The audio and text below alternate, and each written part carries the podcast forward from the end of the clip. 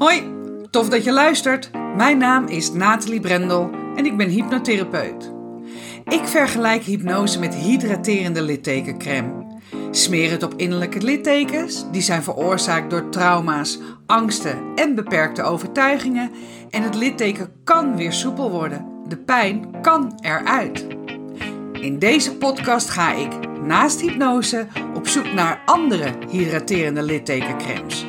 Want wat is er allemaal te vinden in het alternatieve therapieëncircuit? Ik ga in gesprek met de beste specialisten. Hoe zijn zij met hun smeerseltjes in aanraking gekomen? Wat was het moment dat ze dachten: dit is te gek, hier ga ik in verder? En wat doet het precies? En ik spreek ervaringsdeskundigen. Waarom zijn ze juist deze therapievorm gaan volgen? En wat heeft het ze opgeleverd? Kortom, de verhalen achter de kremmetjes. Welkom bij Smeren met Brendel.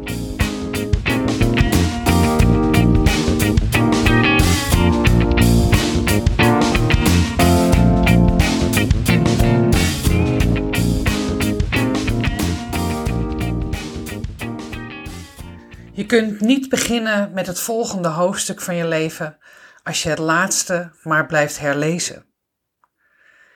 Die quote kwam vanmorgen op mijn LinkedIn-profiel uh, voorbij, op mijn tijdlijn. En waarschijnlijk niet voor niets, denk ik dan. En ik snap wel hoor wat er met deze quote bedoeld wordt. Maar baseren we onze toekomst niet altijd op basis van het verleden? Ik vind het fascinerend, want toen ik uh, me echt bewust werd dat het waarnemen van mijn buitenwereld alleen maar plaatsvindt in mijn hoofd, ja, dat was voor mij echt mind-blowing. En de grootste inzichten hierin kreeg ik toen ik uh, het boek Het Brein van David Eagleman ging lezen. En hij legt echt in Jiep en Janneke taal uit hoe het brein werkt.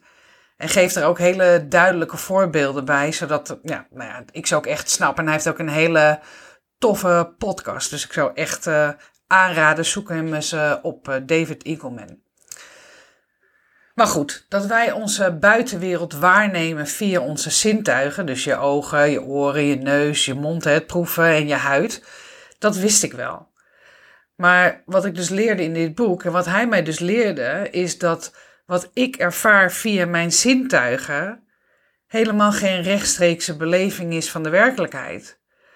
Maar dat er dus uh, elektrochemische, ja, een elektrochemische vertolking plaatsvindt in mijn anderhalve kilo grijze massa, die we hersenen noemen.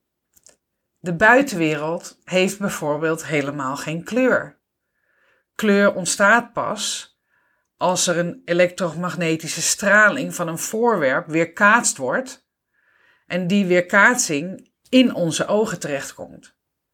En wist je trouwens dat 60% van je hersenen betrokken zijn bij kijken en daarom kan je ook veel beter waarnemen via je andere zintuigen als je je ogen gesloten hebt. Hè? Dat je de vensters sluit. En kijken doe je helemaal niet met je ogen. Dat zijn dus slechts de lenzen. 60% van je hersenen zijn dus bezig met kijken. Hè? Met het waarnemen via je ogen. Enfin, het zijn dus miljoenen verschillende combinaties van stralingen, dus van die golflengtes, die in ons hoofd dus een kleur bepalen. En hetzelfde geldt voor geluid. Er is in de buitenwereld geen geluid. Elektrische signalen worden in je oren opgevangen en daarna door je hersenen omgezet naar geluid, naar muziek, naar gepraat. Of wat dacht je van geur? Buiten onze hersenen is het gewoon reukloos. Dat is wel lekker dat je dat ook weet dat er helemaal geen stinkende scheten bestaan. Het zijn slechts moleculen die door de lucht zweven en via de receptoren in onze neus worden doorgegeven aan onze hersenen, die het als geur interpreteren. En die interpretaties die zijn dus voor iedereen anders. Ik herinner me nog die, uh, die jurk, die foto van die jurk die toen uh, viral ging een paar jaar geleden. En werd je gevraagd welke kleur die jurk had. En de ene zijn, uh, mensen zeiden van ja, hij is blauw-paars met zwart, dat had ik ook. En de anderen zagen hem in het wit met goud. Wie heeft gelijk? En hetzelfde geldt dus ook voor het interpreteren van geluid of van geur of van smaak. Zo vindt de een koriander naar koriander smaken en de ander heeft het idee dat hij shampoo proeft. En dan vraag ik me af, ja, maar hoe smaakt shampoo dan? Iedereen interpreteert zintuigelijke waarnemingen op een andere manier. Ja, dat is toch mind-blowing? Zeker als je bedenkt dat daarnaast ook nog eens jouw interpretaties zijn gebaseerd op je verleden, hè? op wat je je herinnert, op de dingen die je hebt meegemaakt. Ik weet nog dat wij uh, een paar jaar geleden, in 2016, waren wij in Thailand. En uh, we hadden gehoord van een uh, tentje waar we konden eten. Daar hebben we heel lang naar gezocht. En wel twintig keer heen en weer gereden, want we reden er elke keer langs. Zo klein was het. Maar uiteindelijk hadden we het gevonden. En dat restaurantje dat werd gerund door een hele jonge Thai, door een jongen. En zijn moeder, zijn moeder overste, die stond in de keuken. En wij zaten daar op kussentjes en ja, het was allemaal heel eenvoudig en heel warm voelde het. het hè, niet alleen letterlijk, maar ook figuurlijk. En, en het gesprek met de jongen en met zijn moeder, die kwam erbij. En het eten was ook heerlijk.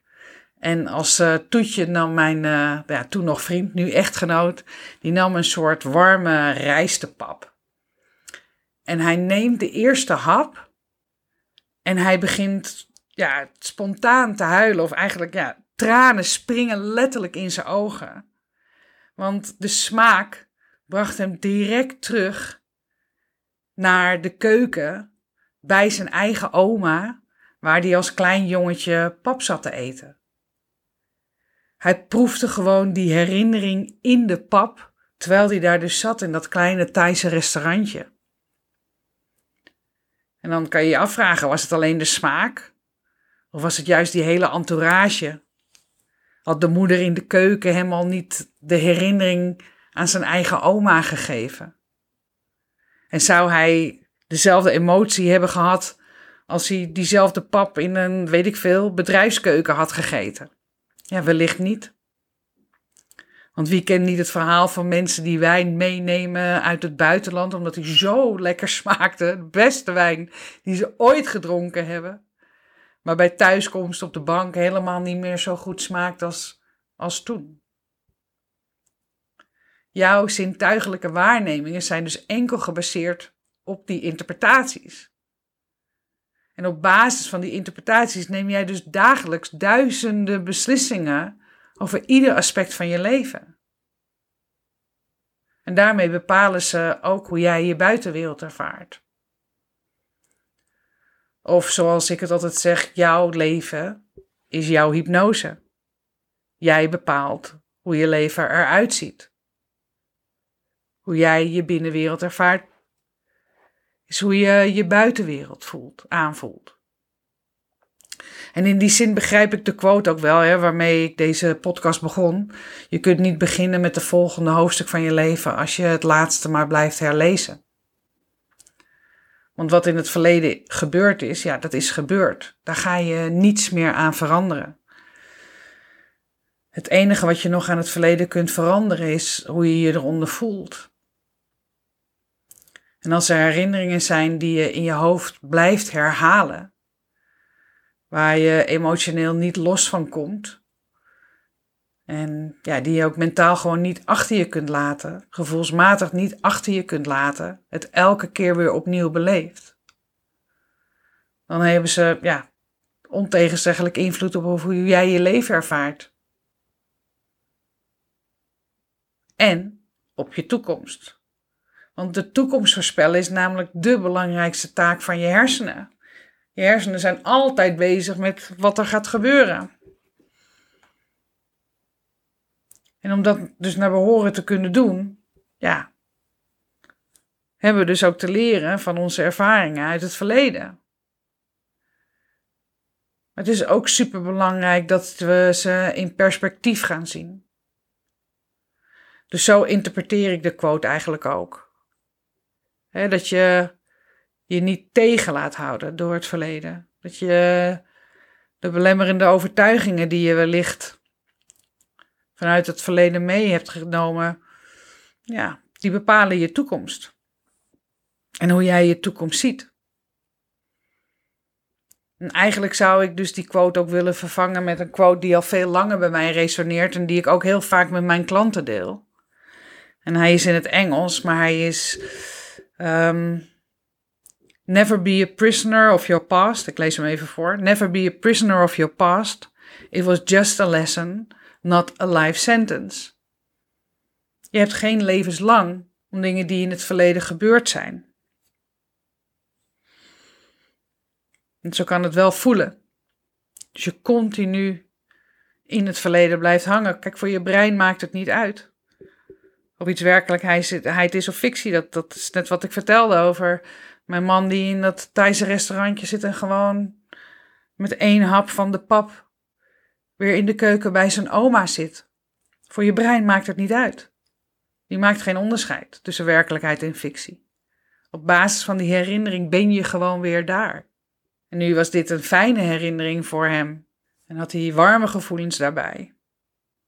Maar wat als het herinneringen zijn die, ja, niet fijn zijn? En die toch elke keer weer bovenkomen en op basis waarvan je dan toch uh, patronen gecreëerd hebt en dingen doet zoals je ze doet. Of misschien belemmerende overtuigingen hebt over jezelf, waardoor je bepaalde dingen niet doet. Kijk, um, wat ook in het boek van uh, David Eagleman staat, is dat 20% van alle calorieën, alle energie die jij uh, verbruikt, gaat op aan je brein. 20%. En bij kleine kinderen is dat uh, wel 70% gaat op aan je brein. Je brein heeft zoveel energie nodig. Dus op het moment dat jij continu bezig bent met herinneringen uit het verleden te herhalen, patronen daarin te ontwikkelen die jou niet dienen, dan kost je dat fucking veel energie. En dat betekent dat je geen energie hebt voor andere dingen. Voor de toekomst. En hoe jammer is dat? Dus, nog één keer de quote waar ik uh, lekker erbij resoneer. En dat is: Never be a prisoner of your past. It was just a lesson, not a life sentence. Ik wens je een hele, hele mooie dag.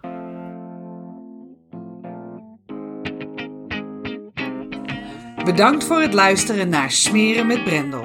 Vond je dit een toffe podcast? Laat dat dan vooral weten door een 5-sterren review achter te laten. En ken je iemand die deze podcast vast ook interessant vindt? Dan zou ik het waanzinnig waarderen wanneer je hem deelt. Wil je het direct weten als de volgende podcast Smeren met Brendel klaar staat? Klik dan in jouw podcast-app op de button subscribe en je ontvangt direct bericht als de nieuwste podcast online staat. In de Spotify-app kan je zowel het beoordelen als het delen en het volgen van deze podcast heel eenvoudig regelen door op de drie puntjes te klikken. Super bedankt!